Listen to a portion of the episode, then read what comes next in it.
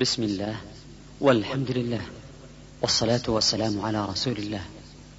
أيها الأحبة في الله يسر إخوانكم في تسجيلات الراية الإسلامية بالرياض أن يقدموا لكم دروس الشيخ عبد الكريم ابن عبد الله الخضير والتي ألقيت بجامع الإيمان بمدينة الرياض. ومع شرح كتاب الفتن من صحيح الإمام البخاري رحمه الله تعالى نسأله تعالى أن ينفع المسلمين بهذه الدروس وأن يجزي الشيخ عبد الكريم الخضير خير الجزاء. والآن نترككم مع الشريط الأول من هذه الدروس. رب العالمين وصلى الله وسلم وبارك على عبده ورسوله نبينا محمد وعلى آله وصحبه أجمعين.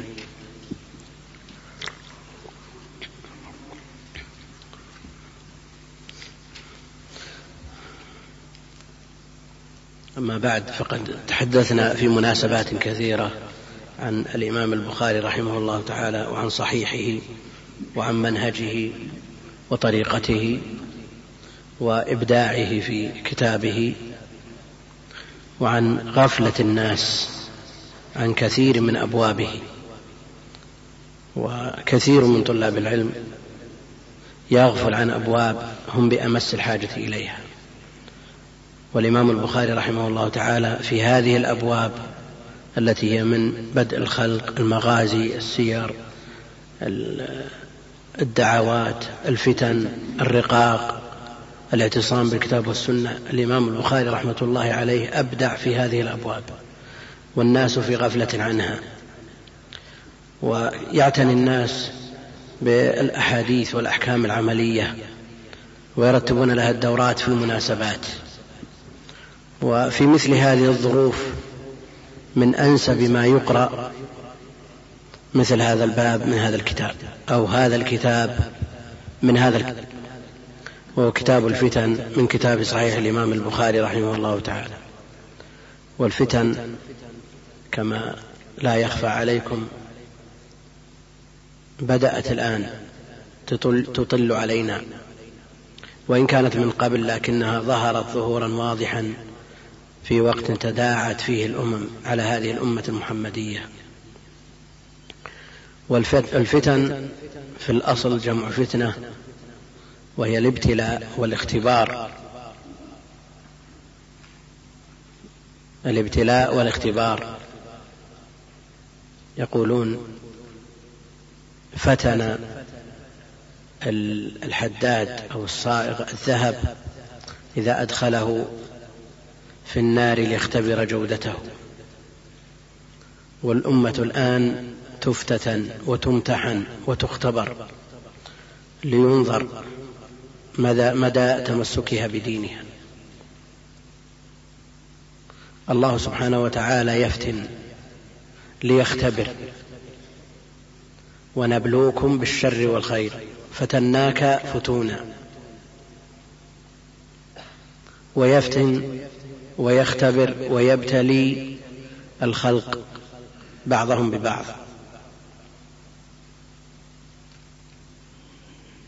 فالفاتن من الخلق بإذن الله عز وجل وإرادته ولا يخرج شيء عن إرادته. آثم إن لم يتب. إن الذين فتنوا المؤمنين والمؤمنات ثم لم يتوبوا فلهم عذاب جهنم والمفتون. المفتون الطرف الآخر وهو الأمة الإسلامية في مثل هذه الظروف. الفتنة لها سبب وهو إدبارها عن دينها. إدبارها عن دينها. هذا هو السبب. فتنا وابتلينا بأعدائنا. والنتيجة؟ إن استفدنا من هذه الفتن ورجعنا إلى ديننا صارت الفتنة خيرا لنا. وإن استمر بنا الغي والضلال صارت سوءا على سوء. ونبلوكم بالشر والخير. ابتلينا سنين بل عقود في هذه البلاد وغيرها بالجوع والخوف والقتل والنهب. وثبت أكثر المسلمين على دينهم. فلم يتنازلوا لا عن دين ولا عرض ثم ابتلوا بعد ذلك بالسراء ففتحت عليهم الدنيا التي خشيها النبي عليه الصلاة والسلام على أمته. والله لا الفقر أخشى عليكم ولكن أخشى أن تفتح عليكم الدنيا كما فتحت على من قبلكم فتنافسوها كما تنافسوها فتهلككم كما أهلكتم. وهذا هو الحاصل. فتحت علينا الدنيا فحصل الخلل الكبير. الابتلاء بالشر الابتلاء بضيق ذات اليد بالفقر. يتجاوز كثير من الناس لكن الابتلاء بالسعه وانفتاح الدنيا والغنى هذا قل من يتجاوزه. ولذا حصل ما حصل من الخلل الكبير بعد أن فتحت علينا الدنيا. وهذا أمر تشاهدونه. النعم كفرت على كافة المستويات إلا من رحم الله. لو نظرنا إلى واقع عموم المسلمين عامة الناس وجدناهم لما فتحت عليهم الدنيا فرطوا في أمر الله عز وجل وتنكبوا عن الجادة. وقل مثل هذا في بعض من ينتسب إلى العلم وبعض من ينتسب إلى طلب العلم فضلا عن علية القوم. ابتلينا فما شكرنا ابتلينا بالضراء فصبرنا والحمد لله. وتجاوز أهل هذه البلاد وغيرهم من بلاد الإسلام تجاوزوا فتنة الضراء في عقود مضت ثم توالت عليهم النعم فلم يتجاوزوها وتنكبوا عن الجادة وبدلوا نعمة الله كفرا. هذا الواقع في كثير من بلدان المسلمين. ألم تر إلى الذين بدلوا نعمة الله كفرا وأحلوا قومهم دار البوار فحل البوار بكثير من أصقاع الأرض. من لا سيما في بلاد المسلمين. فنحن بحاجة إلى أن نرجع إلى ديننا وأن نعتصم بكتاب ربنا ففيه المخرج من الفتن. فنلزم كتاب الله عز وجل قراءة وحفظا وتدبرا وفهما وعملا علما وعملا. ففيه كل ما يحتاجه المسلم.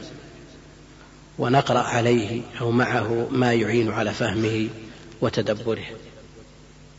ومن خير ما يعين على فهم الكتاب الذي فيه المخرج من الفتن كلها ما صح عن النبي عليه الصلاة والسلام. ومن أصح ما صح عنه عليه الصلاة والسلام ما حواه هذا الكتاب العظيم الذي هو أصح الكتب بعد كتاب الله عز وجل.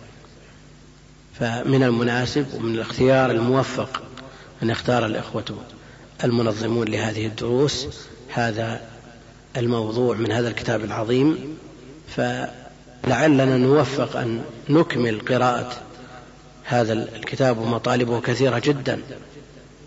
لو سرنا على الطريقة المتبعة في شرح الصحيح نحتاج إلى زمن طويل جدا لا يكفيه. كتاب الفتن لا دورة ولا دورتين ولا ثلاث ويحتاج إلى مزيد من البسط. لكن المطلوب التسديد والمقاربة لأن الزمن محدود والكلام كثير في هذا الباب.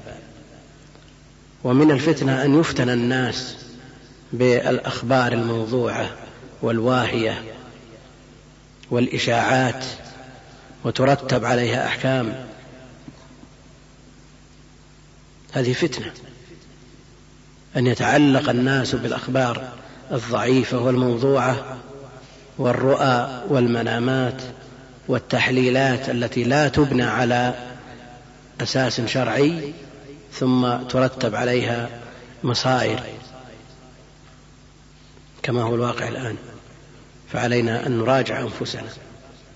في مثل هذه الظروف تطلب النجاة والنجاة بالاعتصام بالكتاب والسنة والإقبال على الله عز وجل بالعبادات الخاصة والعامة. اللازمة والمتعدية. على الإنسان لا سيما من ينتسب إلى العلم وطلبه أن يصدق اللجأ إلى الله عز وجل. فيكثر من النوافل يكثر من قراءة القرآن من تدبره من تفهم معانيه من قراءة الكتب الموثوقة في التفسير ليستفيد من قراءته. ويقبل أيضا على العبادات اللازمة مثل الإكثار من التطوعات من الصلوات والصيام بر الوالدين وصلة الأرحام والنفع الخاص والعام. يحرص على صلاح نفسه صلاح من تحت يده في بيته في مسجده في حيه في مدرسته. بهذا تنجو هذه الأمة من هذا المأزق والمنحنى والمنعطف الخطير الذي تمر به. فكما أخبر النبي عليه الصلاة والسلام يوشك أن تداعى عليكم الأمم تداعت الأمم الآن. لكن ما المخرج؟ المخرج فيما أثر عنه عليه الصلاة والسلام من ملازمة كتاب الله عز وجل وفيما أشرنا إليه من قراءة ما يعين على فهم كتاب الله عز وجل. والله المستعان.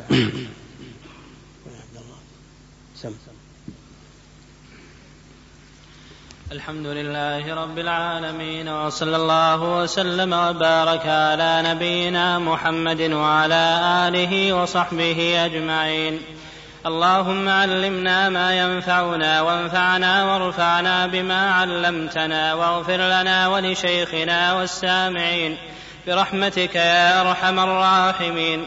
قال الإمام أبو عبد الله البخاري رحمه الله تعالى في صحيحه كتاب الفتن ما جاء في قول الله تعالى واتقوا فتنة لا تصيبن الذين ظلموا منكم خاصة. وما كان النبي صلى الله عليه وسلم يحذر من الفتن. حدثنا علي بن عبد الله قال حدثنا بشر بن السري قال حدثنا سري السري قال حدثنا نافع بن عمر عن ابن أبي مليكة قال قالت أسماء عن النبي صلى الله عليه وسلم قال أنا على حوضي انتظر من يرد علي فيؤخذ بناس من دوني فأقول أمتي فيقول لا تدري مشوا على القهقرى قال ابن أبي مليكة اللهم إنا نعوذ بك أن نرجع على أعقابنا أو أن نفتن. قال ابن أبي مليكة اللهم إنا نعوذ بك أن نرجع على أعقابنا أو أن نفتن. حدثنا موسى بن إسماعيل قال حدثنا أبو عوانة عن مغيرة عن أبي وائل قال قال عبد الله قال النبي صلى الله عليه وسلم أنا فرطكم على الحوض ليرفعن إلي رجال منكم حتى إذا أهويت لأناولهم. اختلجوا دوني فأقول أي رب أصحابي؟ يقول لا تدري ما احدثوا بعدك.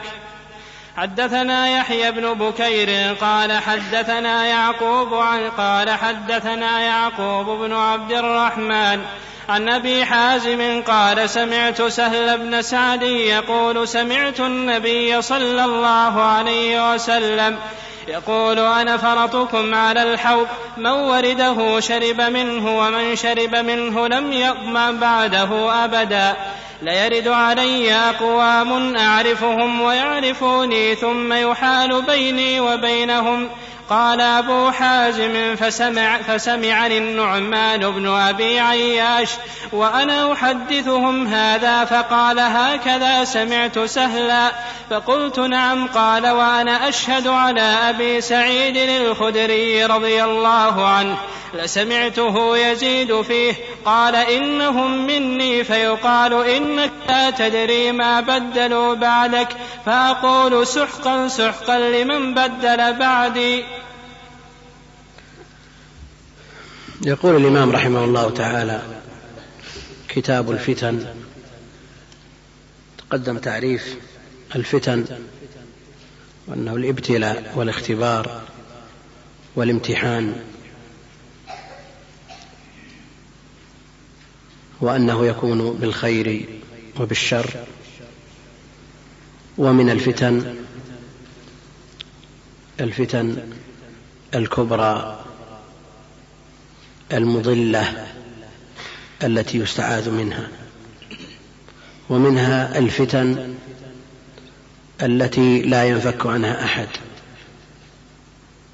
التي تصرف الإنسان عن مقصده فهو مأمور بمجاهدتها. إنما أموالكم وأولادكم فتنة يعني يشغلونكم عن ما يرضي الله عز وجل. والأنبجانية والكساء المخطط كادت أن تفتن النبي عليه الصلاة والسلام في صلاته يعني تشغله عنها. فكل ما يشغل عما يرضي الله عز وجل فتنة لكنها متفاوتة. والحياة صراع وجهاد. إزاء هذه الفتن على المسلم أن يقاوم بقدر الإمكان. هناك فتن ظاهرة وهناك فتن باطنة وهناك فتن كبرى مضلة وهناك فتن يسيرة لا ينفك منها أحد. وكل هذا ليظهر مدى امتثال المكلف ومدى ارتباطه وتعلقه بربه عز وجل. وهذا الصراع رتب عليه الثواب العظيم. من استسلم ولم يقاوم وظل وفتن هذا مآله معروف لكن من قاوم؟ تعرض للفتن وقاوم واستفاد منها فيما يرضي الله عز وجل وخرج منها ظافرا متغلبا على هوى نفسه والشيطان متغلبا على عدوه من شياطين الإنس والجن إن هذا لا شك أنه ممن أراد الله به خيرا ولو تعرض للفتن. وهذه الفتن إذا وقعت تقاوم. ولا ينبغي للإنسان أن يتمنى وقوع هذه الفتن ليقاوم لا.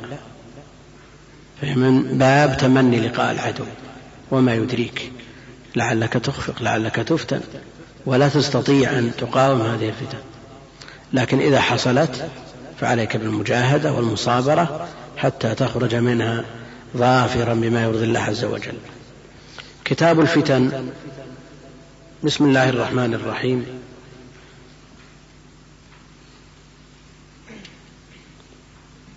بالتقديم والتأخير.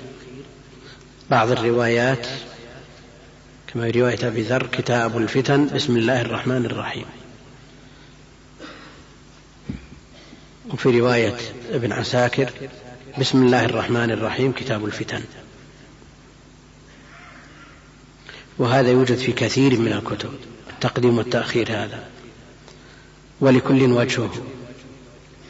إذا قدمت البسملة كما هو الأصل تكون شاملة للكتاب للترجمة ولما تحته فهي مقدمة عليه مبدوء بها. وإذا قدمت الترجمة على البسملة صارت الترجمة بمثابة تسمية السورة والبسملة بعدها. ولذا يوجد التقديم والتأخير في كثير من الأبواب. ما جاء في قول في قول الله تعالى عند أبي ذر باب ما جاء في قول الله تعالى واتقوا فتنة لا تصيبن الذين ظلموا منكم خاصة.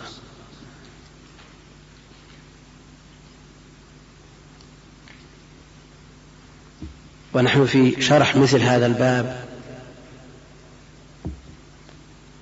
التي ينبغي أن تكون القلوب مرتبطة بكلام النبي عليه الصلاة والسلام. لا نطيل في مثل هذه الأمور. لا نطيل في ذكر فروق النسخ والروايات كما أننا لا نذكر إلا ما تمس الحاجة إليه مما يتعلق بالأسانيد لأنها تقطع تسلسل الارتباط بكلام المصطفى عليه الصلاة والسلام الذي هو المقصود الأعظم. لكن في الأبواب الأخرى الأبواب العملية ما نترك شيء مما يتعلق بالروايات أو بلطائف الإسناد أو كل ما يتعلق بالحديث سواء كان في في متنه أو في إسناده نتعرض له بقدر الإمكان بقدر الحاجة. لكن في مثل هذه الأبواب يهمنا بالدرجة الأولى كلام الإمام البخاري رحمه الله تعالى في التراجم وما يردفه به من آثار ثم بعد ذلك ندخل إلى المقصد الأعظم وهو كلام النبي عليه الصلاة والسلام. ما جاء في قول الله تعالى واتقوا فتنة لا تصيبن الذين ظلموا منكم خاصة. اتقوا يعني اجعلوا بينكم وبين ما ذكر وقاية. اتقوا فتنة لا تصيبن الذين ظلموا منكم خاصة. بل تعم الصالح والطالح المباشر للمعصية المرتكب لها والراضي بها والتارك لإنكارها وتغييرها مع قدرته على ذلك. فالفتنة إذا نزلت عمت. في مثل هذه الظروف التي تتحدث عنها الآية اتقوا فتنة لا تصيبن الذين ظلموا منكم خاصة بل تعم من ارتكب الذنب ومن علم به ورضي بفعله أو علم به ولم ينكر عليه مع القدرة على الإنكار تعمم. وهذه نتيجة المداهنة. المداهنة وإقرار المنكر وافتراق الكلمة بحيث تعم الشرور والمعاصي والمنكرات ويتقاعس الناس ويتواكلون في إنكارها. تجد الإنسان يمر بشخص يرتكب منكر أو يترك واجب ويتركه اعتمادا على أنه كلف بهذا الأمر من كلف من قبل ولي الأمر ولسنا بمسؤولين أنت مسؤول مكلف من قبل الله عز وجل. من رأى منكم منكرا فليغيره بيده فإن لم يستطع فبلسانه إن لم يستطع خشية من الضرر إذا نطق بالإنكار ينكر بقلبه. ولا يسع احدا يمر بمنكر مهما كان فاعله ولا ينكر عليه. وما وصل الأمر إلى ما وصل إليه مما نعيشه من ظروف وتعيشه الأمة في سائر الأقطار من انتشار المنكرات مع ضعف في الإنكار إن وجد إلا ضريبة تواكل سنين. تجد الأخيار ينكرون بلا شك والإنكار موجود لكنه ليس على المستوى المطلوب.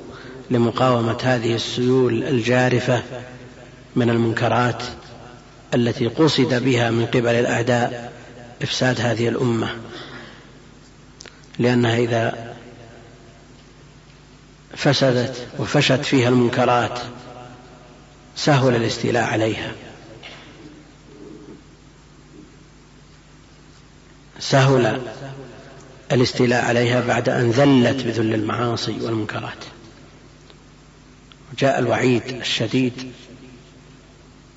في ترك الإنكار. وإذا ترك صاحب المنكر فإن المصيبة والكارثة تعم صاحبه ومن سكت ومن أقره. وسبب لعن بني إسرائيل أنهم إيش؟ كانوا لا يتناهون عن منكر فعلوا كانوا لا يتناهون عن منكر فعلوه قد يصل الأمر إلى حد اليأس في زوال المنكر. فيقول الإنسان ما الفائدة في كوني أنكر مع أن صاحب المنكر لا يرتدع ولا يرعى نقول عليك أن تبذل السبب. وتمتثل الأمر وتفعل ما أمرت به والنتائج بيد الله عز وجل. وإذ قالت أمة منهم لم تعظون قوما الله مهلكهم أو معذبهم عذابا قالوا معذرة إلى ربكم. معذرة أقل الأحوال براءة ذمتك. تقمت بما أوجب الله عليك. وقد يدفع الله سبحانه وتعالى بهذا الإنكار ولو كان ضعيفا ما يدفع من ضرائب التواطؤ على السكوت ولو كان ضعيفا. وليس الأمر خاصا برجال الحسبة نعم عليهم المسؤولية الأولى والكبرى لأنهم تضاعف عليهم الأمر بتكليفهم من قبل الله عز وجل وبتكليفهم من قبل ولي الأمر وبأخذهم الأجرة على ذلك. ولكن هذا لا يعفي غيرهم من الإنكار. فالكل مكلف بالأمر والنهي.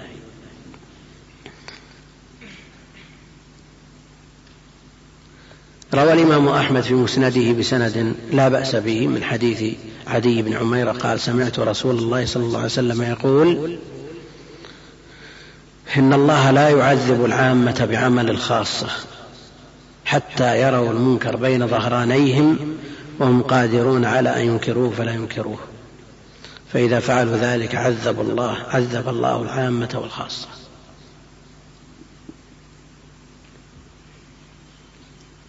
ما دام الإنكار موجودا فالأمان بإذن الله موجود. ولا ننكر أن هناك فئة مكلفة من قبل ولي الأمر بالأمر والنهي وتقوم بما أوجب الله عليها لكنها أقل من المستوى المطلوب في مقاومة ما يزج به العدو من منكرات غزت البيوت والمحافل والمجتمعات فالمسألة تحتاج إلى تضافر جهود في إنكار المنكر باليد وهذا لولي الأمر أو من خوله ولي الأمر وباللسان بالحكمة والكلمة الطيبة بالرفق واللين وبهذا يرفع الله سبحانه وتعالى عنا ما كتب على غيرنا من الأمم. سنة إلهية سنن إلهية ولن تجد لسنة الله تبديلا. إذا عمت المعاصي وكثرت استمرأها الخاص والعام وعاشوا عليها تواطؤوا على السكوت عن إنكارها عمهم الله بالعذاب بالعقوبة. وما كان النبي عليه الصلاة والسلام يحذر من الفتن. باب ما جاء في قول الله تعالى وما كان النبي عليه الصلاة والسلام يحذر من الفتن. النبي عليه الصلاة والسلام حذر من الفتن.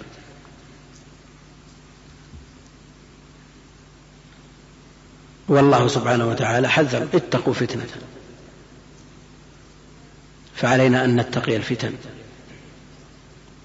بدفعها بالأسباب التي تدفعها. ومن أعظم ما يدفع الفتن اهتمام الإنسان بصلاح نفسه أولا ومن تحت يده والارتباط بالله عز وجل وصدق اللجأ إليه مع بذل الأسباب في إصلاح الغير. يقول الإمام رحمه الله تعالى حدثنا علي بن عبد الله قال حدثنا بشر بن السري علي بن عبد الله الإمام المعروف بن المديني قال حدثنا نافع بن, عبد بن عمر بن عبد الله قرشي عن ابن أبي مليكة اسمها عبد الله قال قالت أسماء بنت أبي بكر عن النبي صلى الله عليه وسلم قال أنا على حوضي.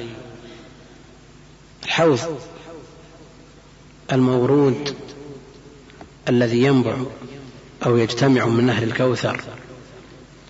هذا للنبي عليه الصلاة والسلام. وجاء وصفه في السنة في طوله وعرضه ولونه وآنيته وأنه يشرب منه المتبع من هذه الأمة. ولذا يزاد عنه من تقهقر فارتد أو ابتدع أو غير أو بدل. يقول أنا على حوضي وأحاديث الحوض متواترة. ثبت الحوض ثبوتا قطعيا بالأدلة المتواترة تواترا معنويا. أنا على حوضي أنتظر من يرد علي فيؤخذ بناس من دوني يؤخذ بناس من دوني فأقول أمتي يعرفهم النبي عليه الصلاة والسلام. إما بأعيانهم لمعاصرتهم له أو بأوصافهم باتباعه عليه الصلاة والسلام وإن حصل منهم ما يوجب ردهم من إحداث وابتداع. فأقول أمتي فيقول لا تدري مشوا على القهقراء يعني رجعوا إلى الخلف.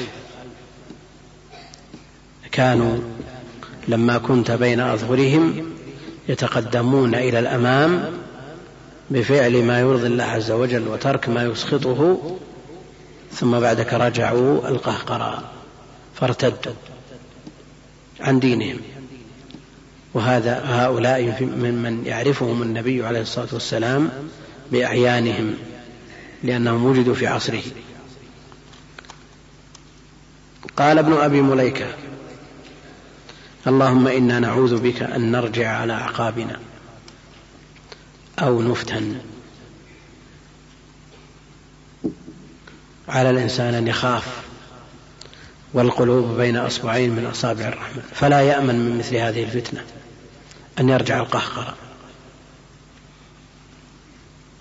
وإن أحدكم ليعمل بعمل أهل الجنة حتى ما يكون بينه وبينها إلا ذراع فيسبق عليه الكتاب فيعمل بعمل أهل النار فيدخلها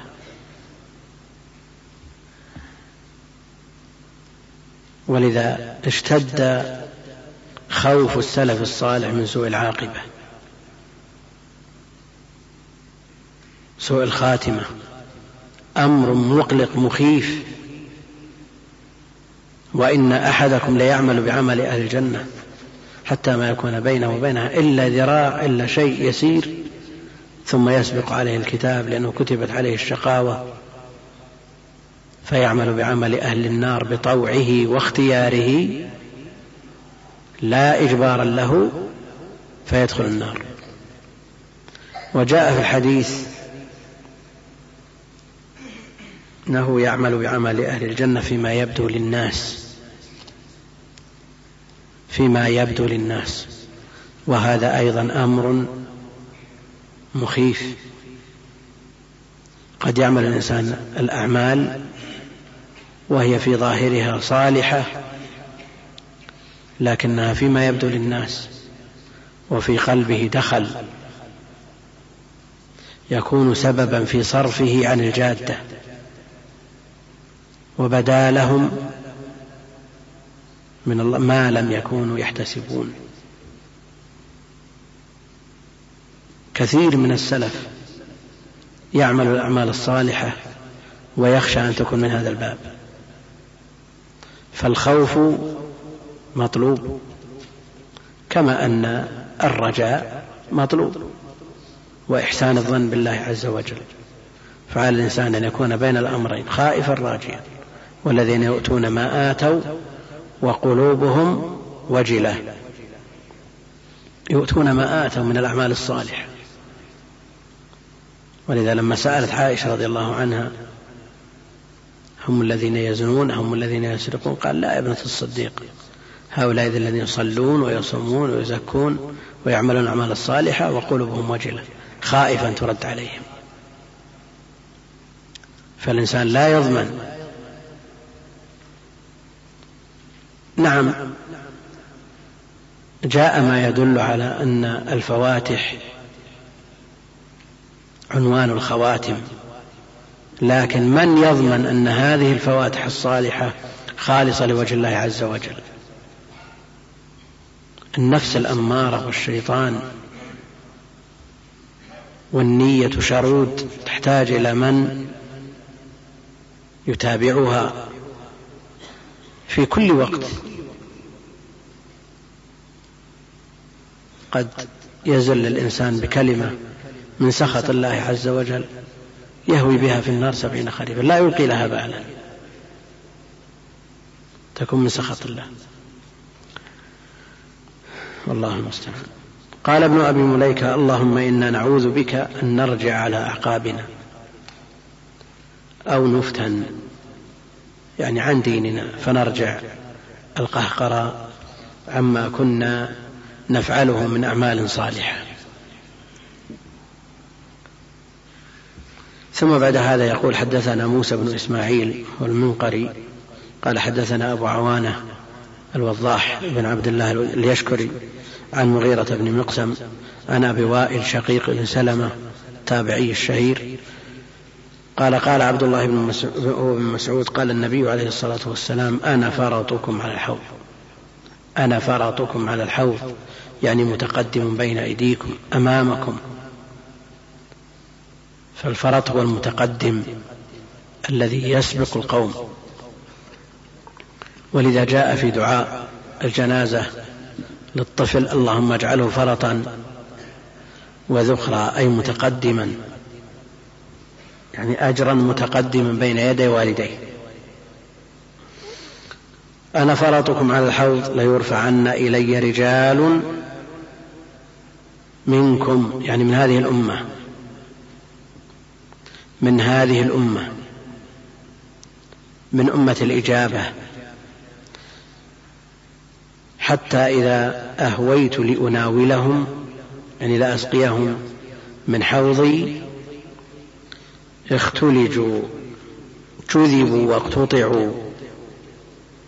دوني فأقول أي ربي أصحابي لأنه يعرفهم إما بأعيانهم أو بأوصافهم. ولا يمنع أن يكون من هؤلاء من هو مسلم يختلج ويقتطع لما أحدث في الدين ويدخل النار ثم بعد ذلك إذا هذب ونقي بقدر ما اقترفه من جرائم يدخل الجنة.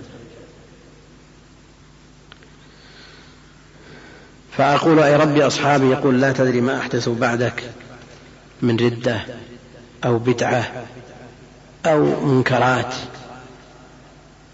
وجرائم كلها محدثات. ثم قال حدثنا يحيى بن بكير مخزومي قال حدثنا يعقوب بن عبد الرحمن القاري عن أبي حازم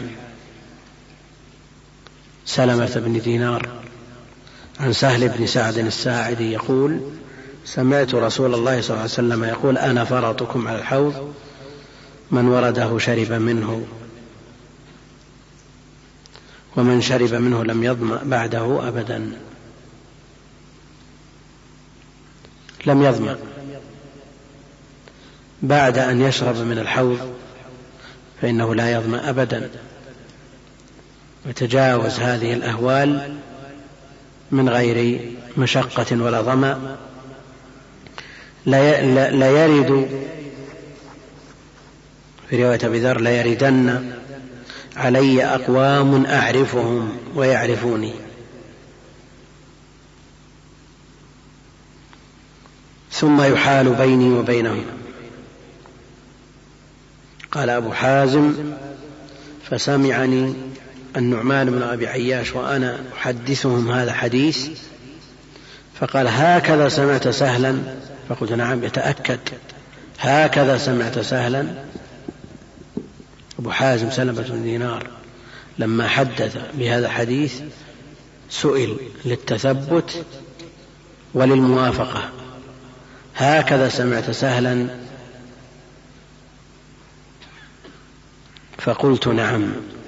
فقال وأنا أشهد على أبي سعيد الخدري لسمعته يزيد فيه قال إنهم مني فيقال إنك لا تدري ما بدلوا بعدك. فأقول سحقا سحقا أي بعدا بعدا أي أبعدهم الله. يقول ابن حجر حاصل ما حمل عليه حال المذكورين. يعني هؤلاء الذين يذادون عن الحوض الذين رجعوا القهقراء حاصل ما حمل عليه حال المذكورين أنهم كانوا ممن ارتد عن الإسلام وحينئذ فلا إشكال في تبرئ النبي عليه الصلاة والسلام. منهم وإن كانوا ممن لم يرتد لكنه أحدث معصية كبيرة من أعمال البدن أو بدعة من اعتقاد القلب فقد أجاب بعضهم بأنه يحتمل أن يكون أعرض عنهم ولم يشفع لهم اتباعا لأمر الله فيهم حتى يعاقبهم على جنايتهم. ولا مانع من دخولهم في عموم شفاعته عليه الصلاة والسلام لأهل الكبائر من أمته فيخرجون من النار بعد ذلك كما يخرج سائر العصاة. فالحديث محتمل. هؤلاء الذين يذادون إن كانوا ممن ارتد فلا إشكال. هؤلاء أحدثوا ويستحقون أن يذادوا عن الحوض ويقال لهم سحقا سحقا. وإن كانوا ممن لم يرتد الردة الكاملة وإنما كان رجوعهم من القهقرة ونكوصهم على أعقابهم إنما هو فيما دون ما يخرج عن الملة بإحداث بدعة يعمل بها من بعدهم أو باقتراف جريمة فمثل هؤلاء يعاقبون هم مستحقون العقاب. ومن العقاب ذودهم من الحوض وقد يدخلون النار فيعذبون وينقون بقدر ذنوبهم ثم يخرجون منها كما يخرج سائر العصاة. نعم. باب قول النبي صلى الله عليه وسلم سترون, سترون بعدي أمورا تنكرونها. وقال عبد الله بن زيد قال النبي صلى الله عليه وسلم اصبروا حتى تلقوني على الحوض. حدثنا مسدد قال حدثنا يحيى بن سعيد قال حدثنا الأعمش قال حدثنا زيد بن وهب قال سمعت عبد الله قال قال لنا رسول الله صلى الله عليه وسلم إنكم سترون بعدي أثرة وأمورا تنكرونها. قالوا فتأمرنا يا رسول الله. قال أدوا إليهم حقهم وسلوا الله حقكم. حدثنا مسدد عن عبد الوارث عن الجعد عن نبي رجاء عن ابن عباس رضي الله عنهما عن النبي صلى الله عليه وسلم قال من كره من أميره شيئا فليصبر فإنه من خرج من السلطان شبرا مات ميتة جاهلية. حدثنا أبو النعمان قال حدثنا حماد بن زيد عن الجعد عن الجعد أبي عثمان قال حدثني أبو رجاء قال حدثني أبو رجاء العطاردي قال سمعت ابن عباس رضي الله عنهما عن النبي صلى الله عليه وسلم قال من رأى من أميره شيئا يكرهه فليصبر عليه فإنه من فارق الجماعة شبرا فمات فمات إلا مات ميتة جاهلية. حدثنا إسماعيل قال حدثني ابن وهب عن عمرو عن عن بكير عن بسر بن سعيد عن جنادة بن أبي أمية قال دخلنا على عبادة بن الصامت رضي الله عنه وهو مريض. قلنا أصلحك الله. حدث بحديث ينفعك الله به. سمعته سمعته من النبي صلى الله عليه وسلم.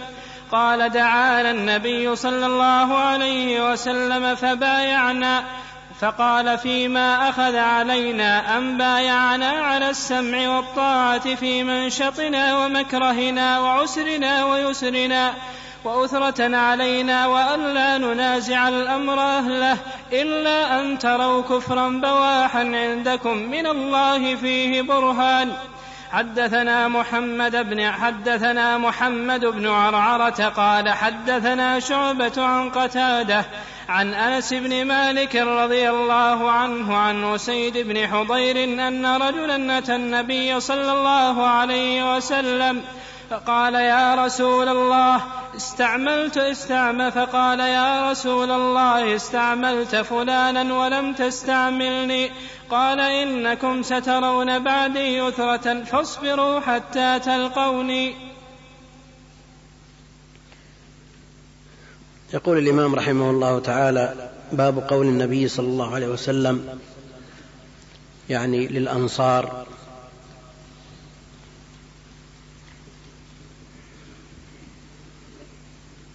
سترون بعدي أمورا تنكرونها. النبي عليه الصلاة والسلام قال للأنصار سترون بعدي أمورا تنكرونها. سترون أثرة بعدي. لأن أمر الولاية ليس لهم بل الأئمة من قريش. والغالب أن من ليست بيده الولاية تقع عليه الاثره يؤثر عليه غيره. ولذا قال لهم عليه الصلاة والسلام سترون بعدي أمورا تنكرونها وقال عبد الله بن زيد بن عاصم قال النبي عليه الصلاة والسلام للأنصار اصبروا على ما تلقون يعني على ما تلقون بعدي من الأثرة حتى تلقوني على الحوض.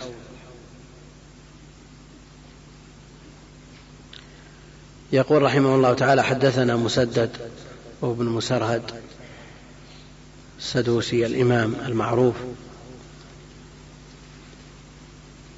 ذكر بعضهم وقد لا يصح بالصيغة المجتمعة المذكورة مسدد بن مسرهد. ابن مسربل ابن مغربل ابن أرندل ابن سرندل ابن عرندل هذه ذكرت في ترجمته لكن بهذا التركيب بهذه الصيغة يستنكرها كثير من أهل العلم. قال حدثنا يحيى بن سعيد الإمام القطان المعروف. قال حدثنا الأعمش سليمان بن مهران. قال حدثنا زيد بن وهب الجهني. قال سمعت عبد الله يعني ابن مسعود. قال قال لنا رسول الله صلى الله عليه وسلم إنكم سترون بعدي أثرة أو أثرة. ابن مسعود يقول قال لنا رسول الله صلى الله عليه وسلم ابن مسعود من الأنصار ولا من المهاجرين؟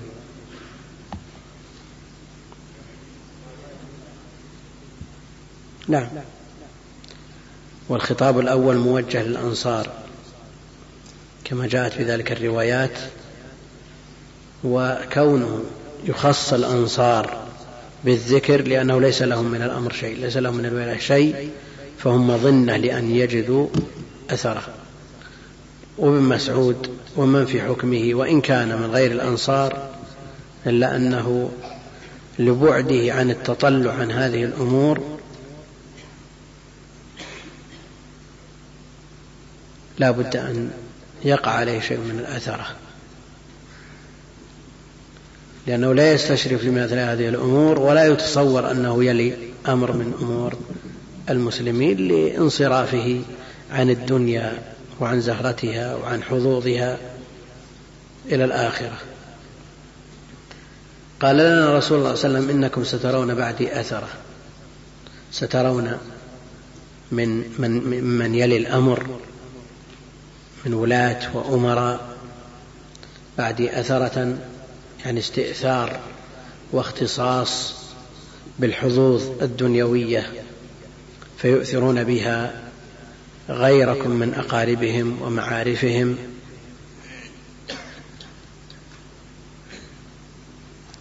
فعلى الإنسان الذي يحس ويشعر بأن غيره أوثر عليه أن يوثر نفسه بما يرضي الله عز وجل. فإذا انصرف الناس وتعلقوا واستشرفوا إلى أمور الدنيا فعلى طالب العلم على وجه الخصوص أن يكون نظره إلى الآخرة. ومع ذلك كما قال الله جل وعلا ولا تنس نصيبك من الدنيا.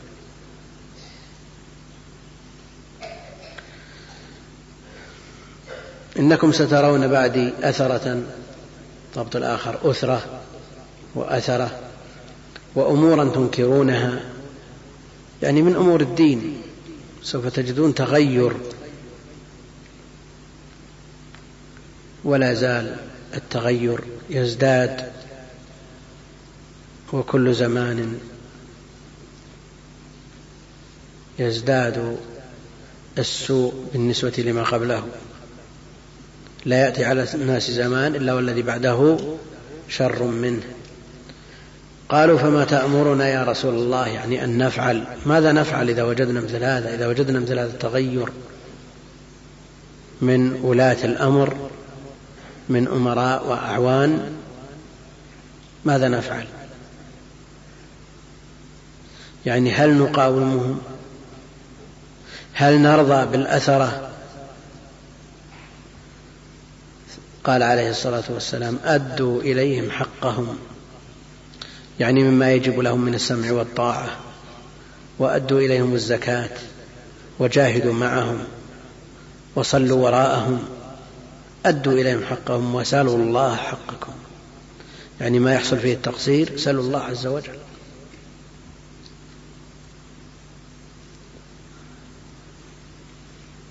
فلا يجوز للإنسان أن تكون همته الدنيا. إن أعطي منها رضي وإن لم يعطى منها لم يرضى. إن أعطي من أمور الدنيا وفى وإن لم يعطى من أمور الدنيا لم يفي. تكن همه ليكن همه الآخرة. وما يأتيه من أمور الدنيا مما يعينه عليها من غير استشراف يأخذ. كما جاء في حديث أبي ذر عند مسلم الذي يأتي المسلم من غير استشراف ولا يغلب على ظنه أنه يراد له مقابل يأخذه. إن تورع عنه فالورع له باب. لكن إن أخذ لا بأس. إن جاءه من غير طلب ولا استشراف يقول أبو ذر فإن كان ثمنا لدينك فلا. النبي عليه الصلاة والسلام لما قالوا لما أخبرهم أنه سيكون هناك أثرة وأثرة وتقديم وتأخير وزيادة ونص ونقص وإبعاد وتقريب هذا موجود في على مدى العصور. من بعد الخلفاء الراشدين ظهر هذا الأمر. وكل سنة يزداد الأمر. طيب ماذا نفعل يا رسول الله إذا حصل هذا؟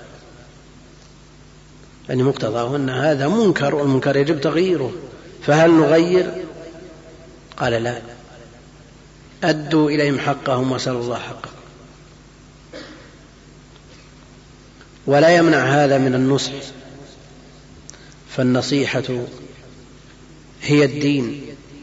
كما جاء في حديث تميم الدين النصيحة الدين النصيحة الدين النصيحة قلنا لمن يا رسول الله؟ قال لله ولرسوله ولكتابه ولأمة المسلمين وعامتهم. فلا يعني أن الإنسان يقف وهم من آتاه الله القدرة على النصح والقدرة على التأثير والبيان أن ينصح. ولاة الأمر بالرفق واللين بالأسلوب المجدي المناسب النافع الذي يحقق المصلحة دون ترتب أي مفسدة. أدوا إليهم حقهم وسألوا الله حقكم. ثم قال حدثنا مسدد عن عبد الوارث بن سعيد عن الجعد أبي عثمان الصيرفي عن أبي رجاء العطاردي عمران عن ابن عباس رضي الله عنهما عن النبي صلى الله عليه وسلم قال من كره من أميره شيئا يعني سواء كان من أمر الدين أو من أمر الدنيا. من كره من أمر من أميره شيئا فليصبر. يصبر. لأن بعض الناس والباعث له الغيرة قد لا يصبر لكن النتيجة النتيجة أن يترتب على فعله وعدم صبره ومخالفته للتوجيه النبوي فليصبر. مسألة تحتاج إلى إلى علاج مناسب. لا يعالج المنكر بما هو أنكر منه بمفسدة أعظم منه. تحتاج إلى دراسة للأمر. دراية بالأساليب النافعة الناجعة التي تقضي على المنكر أو تخفف منه بقدر الإمكان ولا يترتب عليها مفسدة. قال فليصبر. فإنه من خرج من السلطان يعني عن طاعته شبرا يعني ولو بشيء يسير مات ميتة جاهلية. كانت هيئة ميتته كهيئة ميتة من عاش في الجاهلية لأن عمله هذا يؤدي إلى الفوضى. عمله هذا يؤدي إلى الفوضى والفوضى من سمات الجاهلية. القوي يأكل الضعيف. القوي يأكل الضعيف. وإنكار المنكر وإن كان مطلوبا. إلا أنه ينكر بطرق مناسبة والبيان والنصح والتوجيه لا بد أن يكون بأسلوب مناسب مؤثر لا تترتب عليه مفاسد. إذا كان المنكر الذي يزال ترتب عليه منكر أعظم منه ما استفدنا. المنكر ما زال.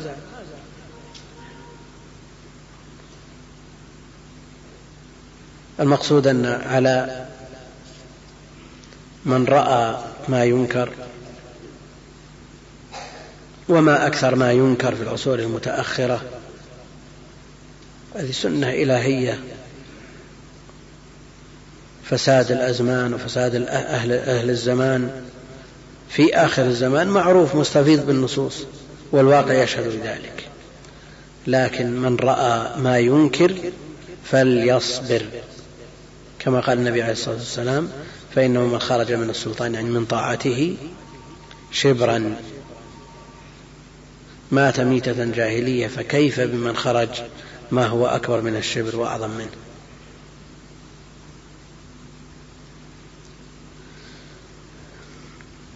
ويأتي الضابط لما يوجب الخروج.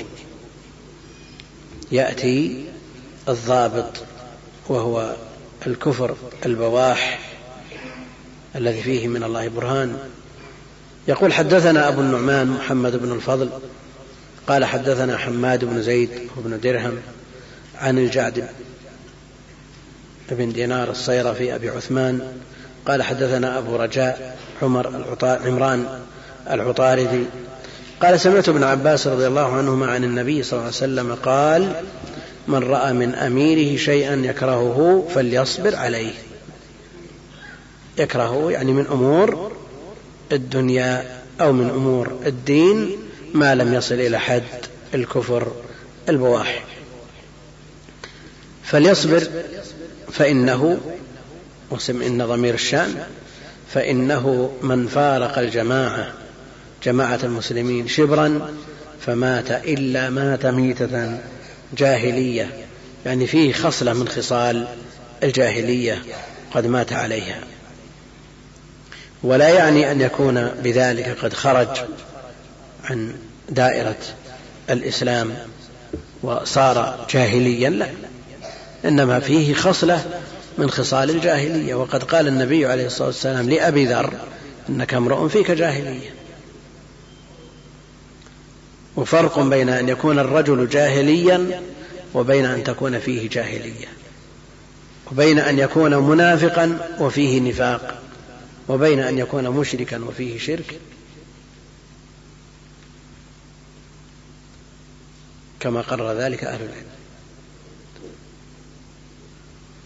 اليهود والنصارى مشركون أو فيهم شرك.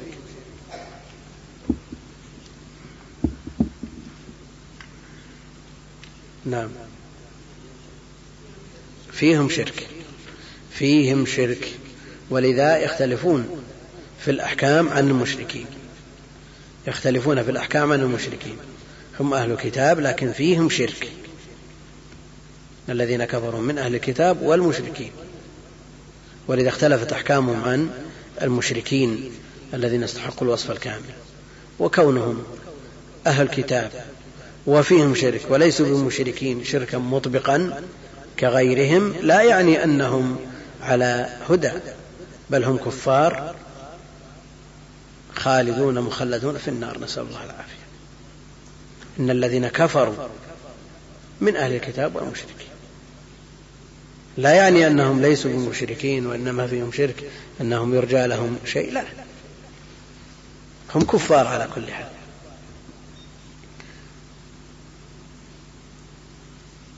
حدثنا إسماعيل بن أبي أويس قال حدثني ابن وهب عن عمرو بن الحارث عن بكير بن عبد الله بن الأشج عن بسر, عن بسر بن سعيد عن جنادة بن أبي أمية السدوسي قال دخلنا على عبادة بن الصامت. عبادة بن الصامت. أحد النقباء في العقبة. وقد شهد البيعات الثلاث الأولى والثانية والثالثة وإن كانت عاد الثالثة لا يثبتها كثير من أهل العلم لكن نص ابن عبد البر وغيره في ترجمته أنه شهد الثلاث. وليس هذا محل بسط ما يتعلق بالبيعات الثلاث لكن يهمنا هذه البيعة التي بين أيدينا. دخلنا على عبادة بن الصامت وهو مريض.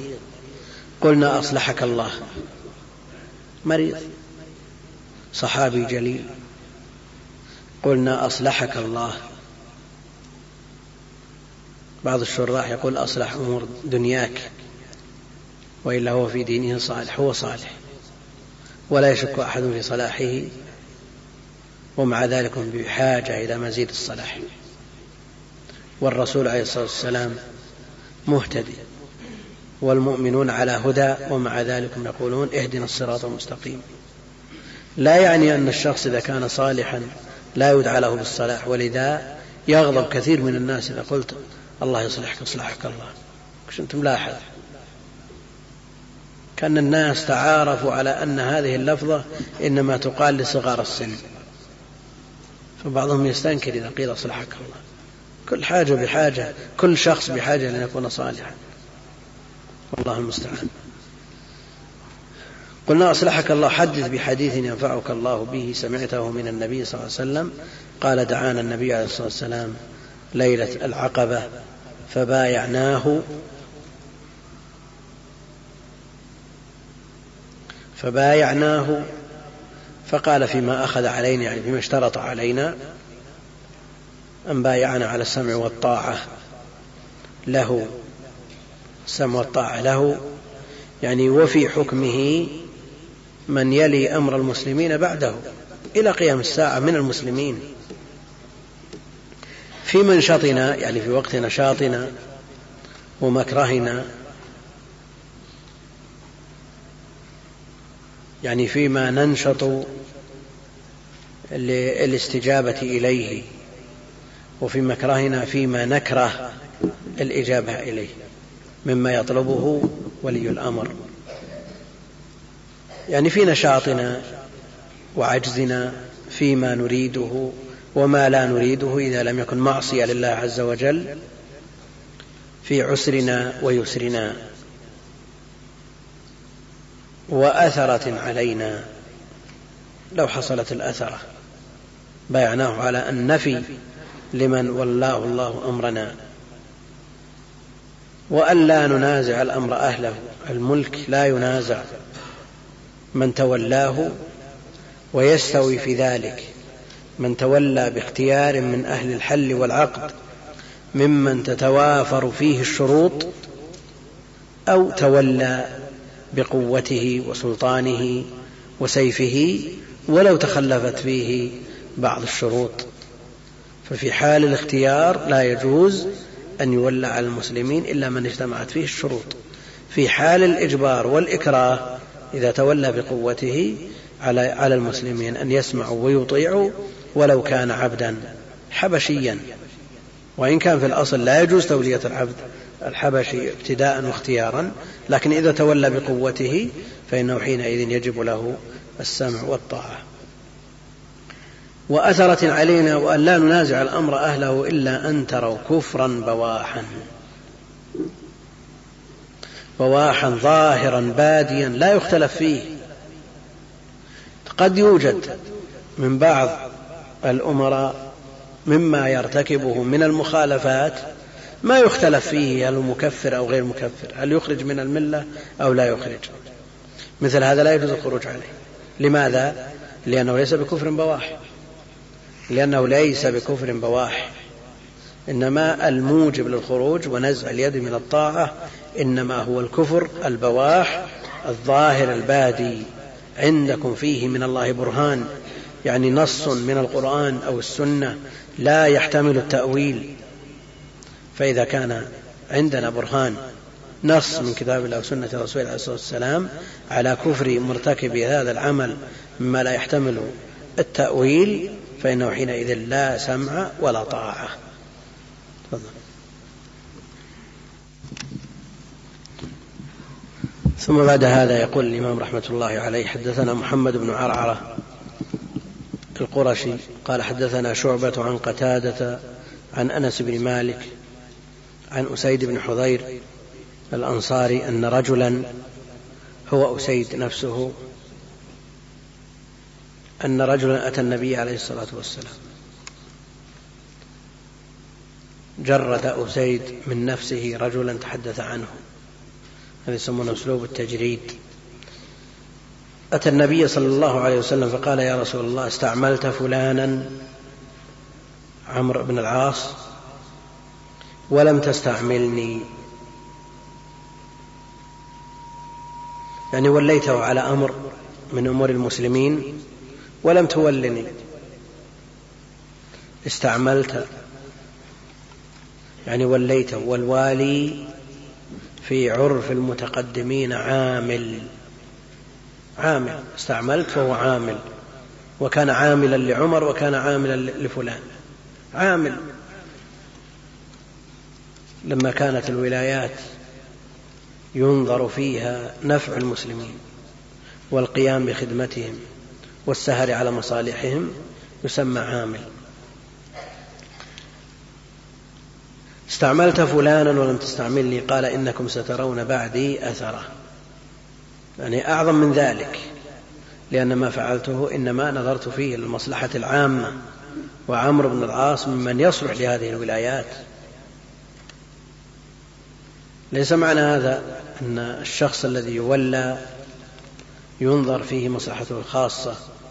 والذي لا يولى ينظر فيه إلى أنه قريب أو بعيد لا. إنما النظر في من يحقق المصلحة ولو كان غيره أفضل منه في ذاته. وكل عمل ينتقى له من يناسبه. كل عمل يختار له من يناسبه ممن يقوم به على أحسن وجه. والخلل بهذا من علامات الساعة. إذا وسد الأمر إلى غير أهله فانتظر الساعة. قد لا يكون الشخص أفضل الناس بل ولا من أفضل الناس بل هو رجل تقوم به الحاجة ويسد هذا المكان أفضل من غيره.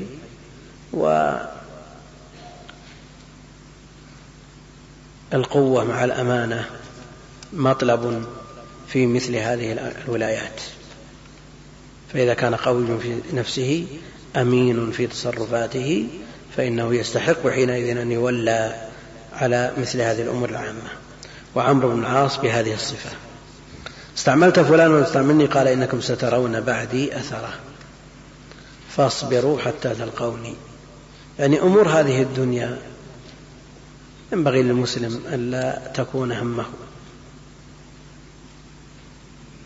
يكفي منها البلغة فالأثرة في أمور الدنيا أمرها يسير إذا سلم رأس المال وهو الدين. وكثير من الناس عاش في هذه الحياة عقود بل ممن عمر. حياته كلها على نقيض ما أراده الله جل وعلا من عباده. الأصل أن يعيش الإنسان لدينه. هذا الأصل. لكن لحاجته إلى الدنيا قيل له ولا تنس نصيبك من الدنيا. كثير من المسلمين مع الأسف الشديد يعيش للدنيا. يعيش عيشته كلها وهمه الدنيا. ومع ذلك قد ينسى نصيبه من الآخرة وقد لا ينساه وليس معنى هذا أن الإنسان يصرف عشرين ساعة في العبادة. يصوم النهار ويقوم الليل ويتصدق ويجاهد عمره كله ولا يفتر. قد تكون حياة المسلم كلها عبادة وهو في أريح بال وأنعم عيش.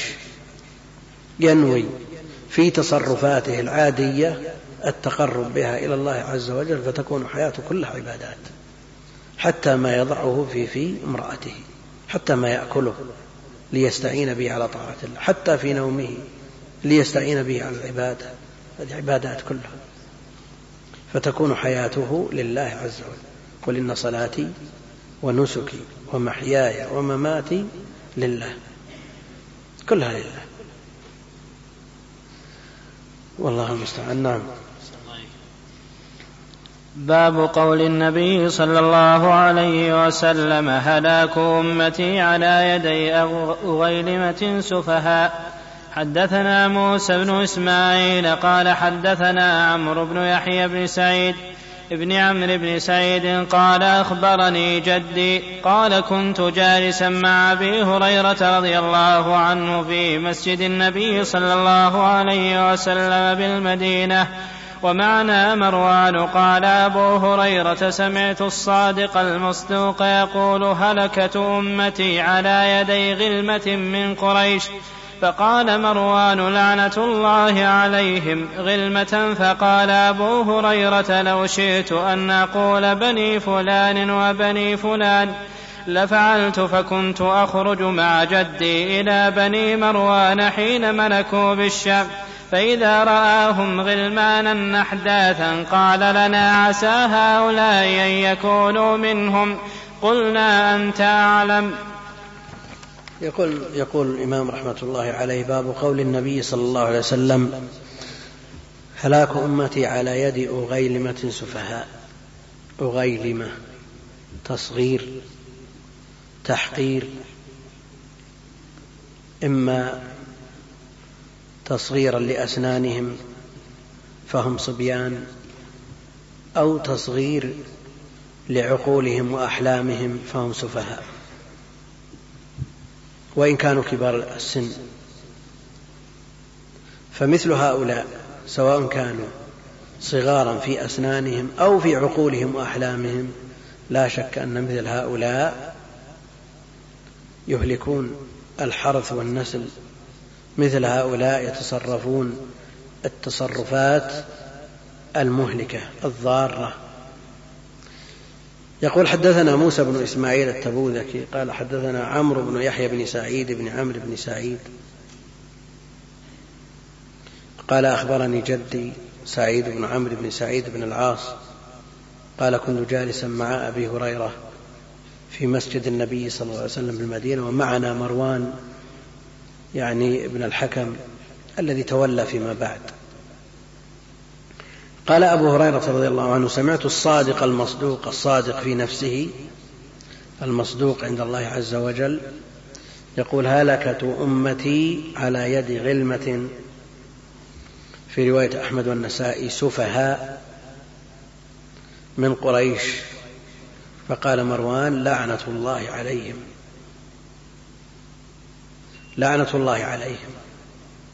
هؤلاء الذين يكون هلاك الأمة على أيديهم. ممن ولي أمر المسلمين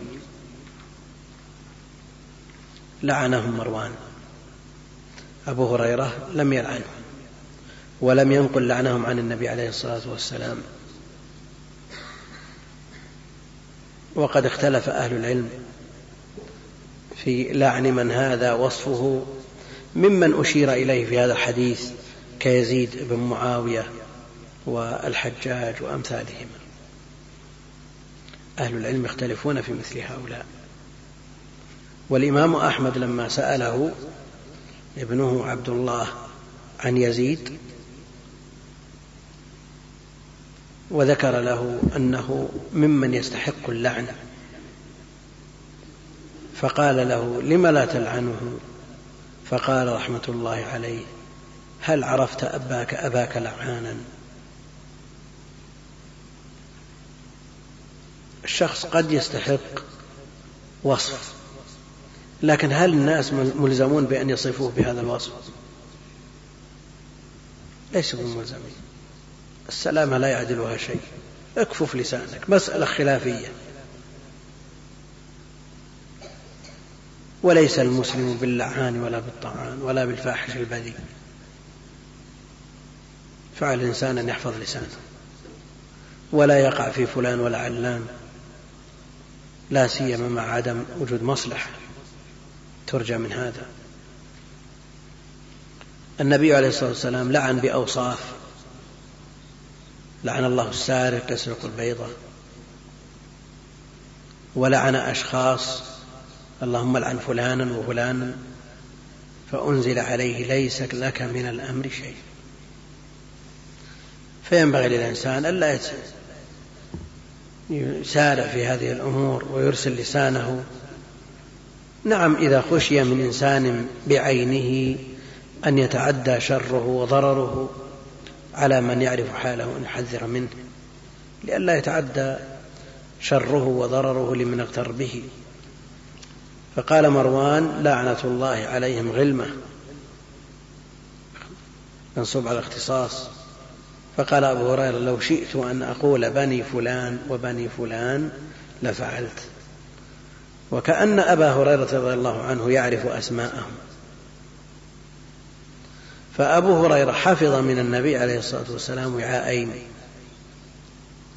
أما أحد الوعائين فبثه في الناس وهم يحتاجون إليه من أمور الدين.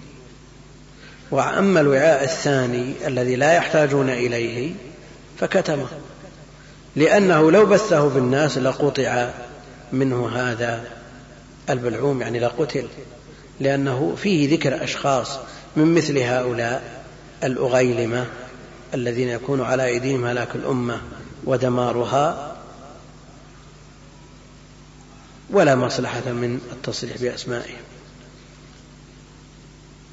وكان أبو هريرة رضي الله عنه يتعوذ بالله عز وجل من الستين وإمارة الصبيان. يقول اللهم إني أعوذ بك من رأس الستين وإمارة الصبيان. رأس الستين توفي معاوية رضي الله عنه. تولى بعده ابنه يزيد. فأجاب الله عز وجل دعوة أبي هريرة فقبضه قبل ذلك بسنة. توفي سنة تسعة وخمسين. أو ثمان وخمسين على خلاف في ذلك. المقصود أن الله أجاب دعاءه فقبضه قبل أن يعاشر ويعامل مثل هؤلاء. قال أبو هريرة لو شئت أن أقول بني فلان وبني فلان لفعلت فكنت عمرو بن يحيى بن سعيد بن عمرو بن سعيد يقول فكنت أخرج مع جدي سعيد بن عمرو إلى بني مروان حين ملكوا بالشام ولو الخلاف بالشام. في رواية ملكوا فإذا رآهم غلمانا أحداثا شبان أحداثا قال لنا عسى هؤلاء أن يكونوا منهم. يقوله لحفيده عسى هؤلاء أن يكونوا ممن ذكر أبو هريرة في الحديث. قلنا أنت أعلم أنت أعرف. أنت الذي سمعت أبا هريرة وأنت الذي عاصرت هؤلاء وعرفتهم من من قبل أن يتولوا بعدما تولوا أنت أعرف وأدرى. نعم. باب قول النبي صلى الله عليه وسلم ويل للعرب من شر قد اقترب. حدثنا مالك بن إسماعيل قال حدثنا ابن عيينة أنه سمع الزهري عن عروة عن زينب بنت أم سلمة رضي الله عنها عن أم حبيبة عن زينب بنت جحش رضي الله عنهن أنها قالت استيقظ النبي صلى الله عليه وسلم من النوم محمرا وجهه يقول لا إله إلا الله ويل للعرب من شر قد اقترب. فتح اليوم من ردم ياجوج وماجوج مثل هذا وعقد سفيان تسعين أو مئة. قيل مثل هذه. فتح اليوم من ردم ياجوج وماجوج مثل هذه وعقد سفيان تسعين أو مئة. قيل نهلك وفينا الصالحون. قال نعم إذا كثر الخبث.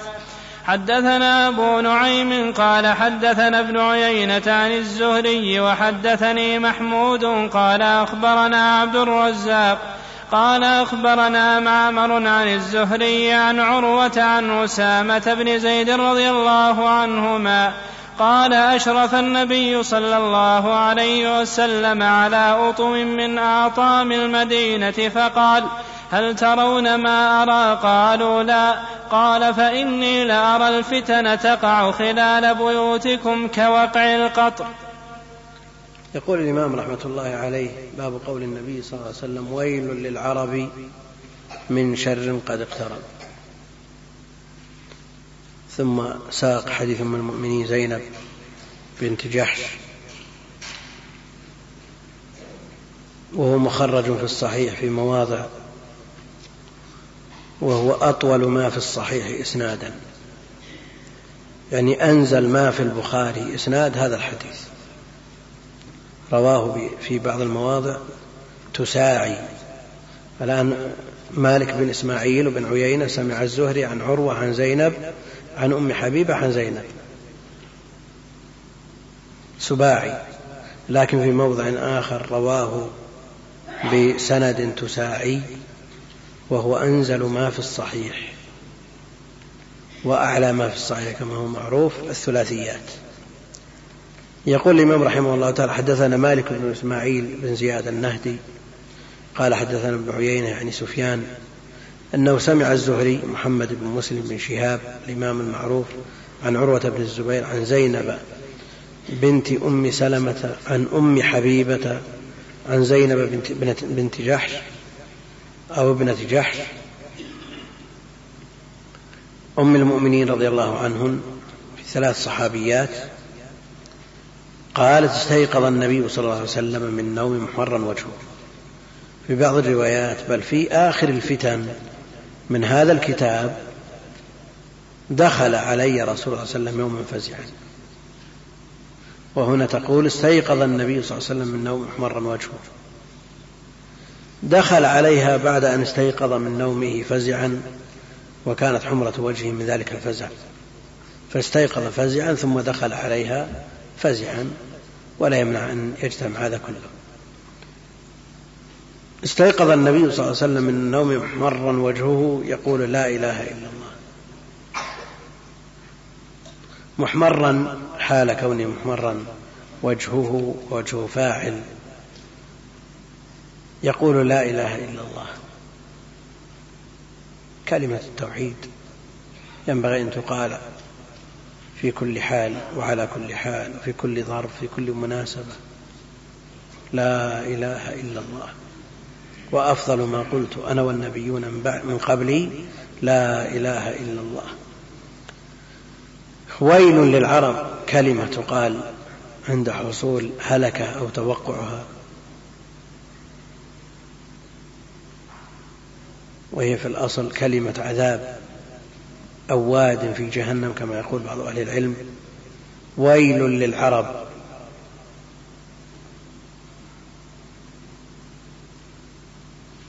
من شر قد اقترب. وتخصيص العرب لأنهم في ذلك الوقت ما دخل غيرهم في الدين أحد. وفي حكمهم ويل له من يوافقهم على الدين؟ ويل للعرب من شر قد اقترب. فتح اليوم من ردم يأجوج ومأجوج. كيف يقول اقترب؟ وقد مضى الآن أكثر من أربعة عشر قرنا ولم يحصل. إذا لاحظنا أن النبي عليه الصلاة والسلام يقول بعثت أنا والساعة كهاتين. فزمنه عليه الصلاة والسلام قريب من الساعة باعتبار أنه لم يكن بينه وبين الساعة أحد من الأنبياء فهو أقرب الأنبياء إلى قيام الساعة. ولذا قال ويل للعرب من شر قد اقترب فتح اليوم من ردم يأجوج ومأجوج. سد يأجوج ومأجوج الذي بناه ذو القرنين. مثل هذه وعقد سفيان تسعين.